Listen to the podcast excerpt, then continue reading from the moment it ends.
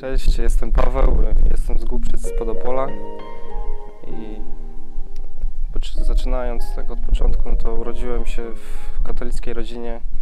E, Mama katoliczka, ojciec raczej chodził do kościoła, bo mama chodziła. I też tak zostałem wychowany od dzieciństwa, że e, ja byłem też pokornym i takim grzecznym dzieckiem i chodziłem, bo uważałem to, że za coś normalnego. E, Tam babcia mnie uczyła pacierzy do snu i tak dalej. No i od tej duchowej strony to takie życie prowadziłem gdzieś do, do liceum.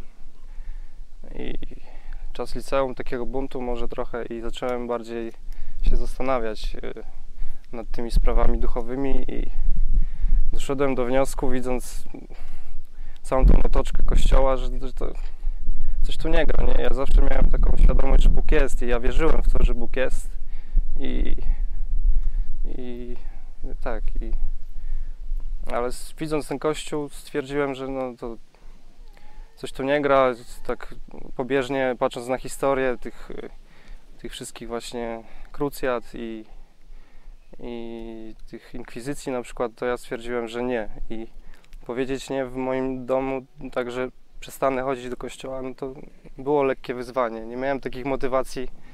yy, Nie, że wtedy uwierzyłem dla Chrystusa, ale że po prostu nie podoba mi się to, nie? co się tam dzieje.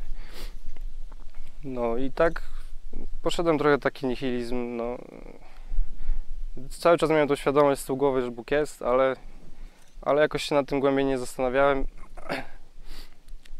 I no i prowadziłem takie życie towarzyskie i tam wiadomo jak to czas liceum, alkohol i, i, i tam towarzystwo, imprezy.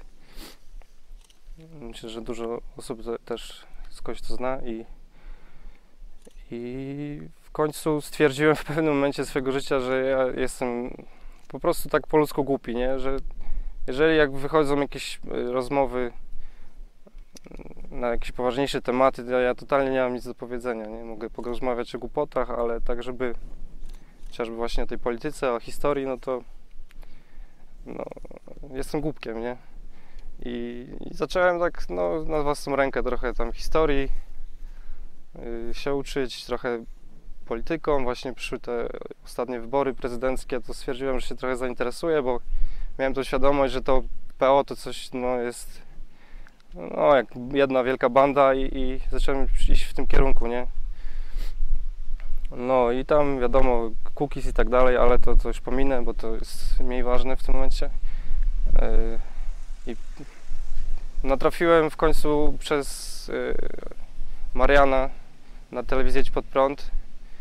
No i, i ta treść właśnie ta polityczna, a później właśnie Ewangelia zaczęła do mnie powoli docierać ale przez długi czas nic nie robiłem.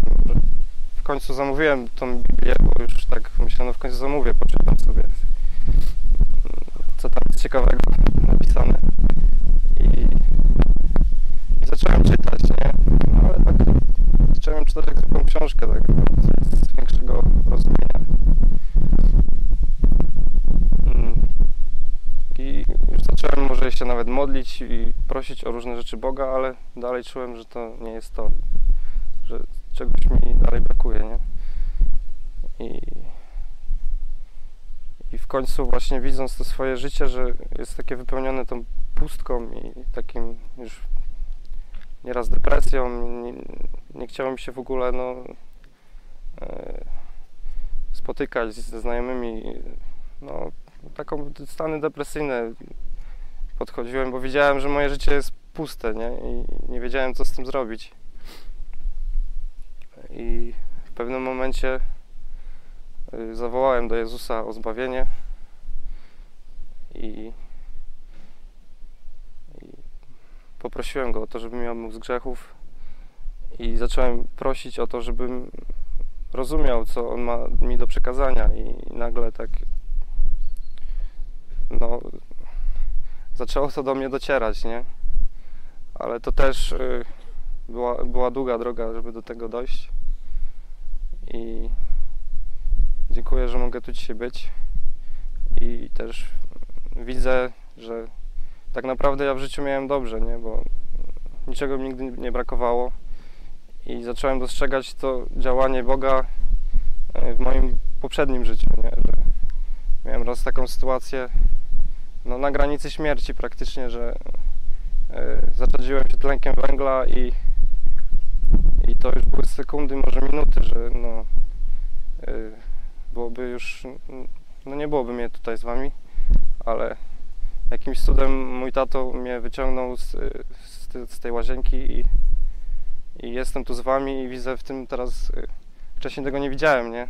Ale teraz widzę w tym boską rękę i że wiedział, że ja jestem zapisany już w tej księdze żywota i, i mnie sprowadził tutaj do was. Dziękuję.